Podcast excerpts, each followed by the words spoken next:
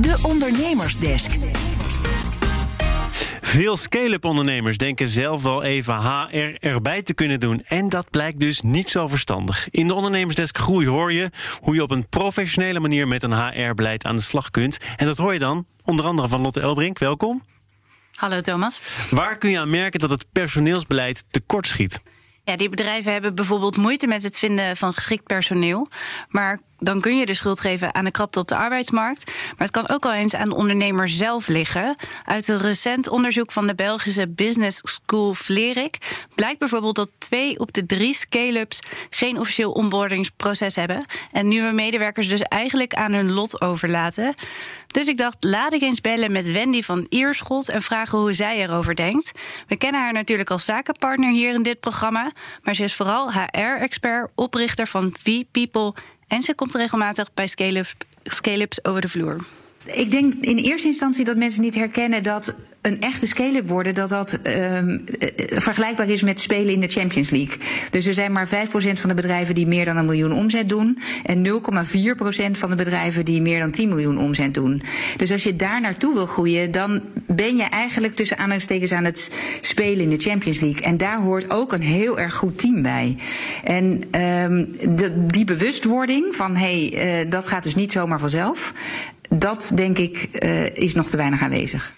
Ja, en toch denken veel ondernemers dat ze HR er zelf al even bij kunnen doen. Op zich ook wel logisch, want als je start als ondernemer doe je ook bijna alles zelf.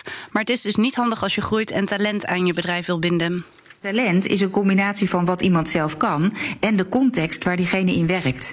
En de context zelf organiseren zodat mensen ook hun talent kunnen benutten, uh, dat wordt ook vaak onderschat. Dus ja, je bent op zoek naar de beste mensen, maar heel vaak weet je nog niet precies wat dan de beste mensen zijn voor jouw bedrijf. Daar, dat moet je natuurlijk uitvinden. En dan vervolgens moet je een context scheppen, goede teams neerzetten waarin ook dat talent eruit kan komen. Is er zoiets als het moment dat je realiseert, nu moet ik ermee aan de slag?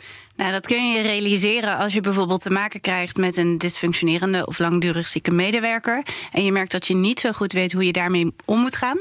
Uh, of als medewerkers snel weer vertrekken bij je bedrijf, teams niet zo goed functioneren. Maar je kunt het ook nog op een andere manier bepalen. Eigenlijk is het belangrijkste om te kijken naar de factor groei. Dus hoe snel groei ik? En het aantal medewerkers wat je hebt. Dus als je ieder jaar 20% groeit en je zit boven de 10 medewerkers, kun je eigenlijk ervan uitgaan dat je wel wat HR-support nodig hebt. En stel dat je die conclusie trekt, het is tijd voor een HR-beleid. Hoe pak je het dan aan? Waar begin je? En dan onderzoek je eerst heel goed wat het bedrijf nodig heeft en bouw dan zorgvuldig en stapsgewijs een HR-beleid op. Je kunt op administratief gebied kun je een hoop gewoon copy en pasten en zorgen dat je aan de wet en regelgeving voldoet. Daarnaast zou ik zeggen, als eerste zorg dat je echt een goede hiring structure hebt. Dus dat je weet hoe bereik ik mijn doelgroep van mensen die ik graag wil dat die bij mij werken.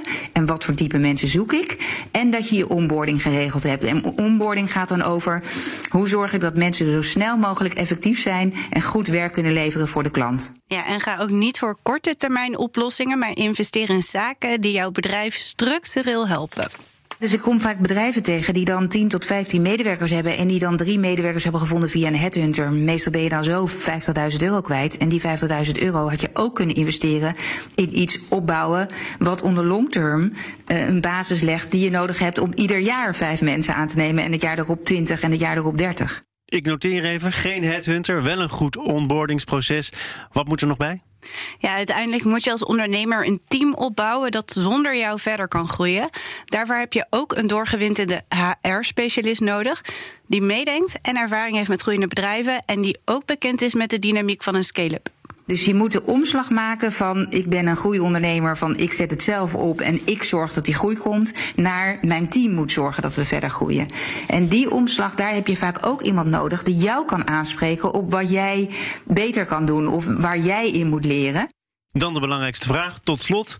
Wat levert dat uiteindelijk op? Nou, het vraagt eerst om behoorlijk wat discipline en aandacht en investeringen. Maar dat is het waarschijnlijk ook wel waard. Maar het wordt ook vooral voor jezelf als ondernemer veel leuker om te zien dat jouw toko een succes wordt. zonder dat jij daar de hele dag mee bezig moet zijn. Dat waren de woorden van Wendy van Ierschot, oprichter van V-People. En je hoorde uiteraard ook Lotte Elbrink.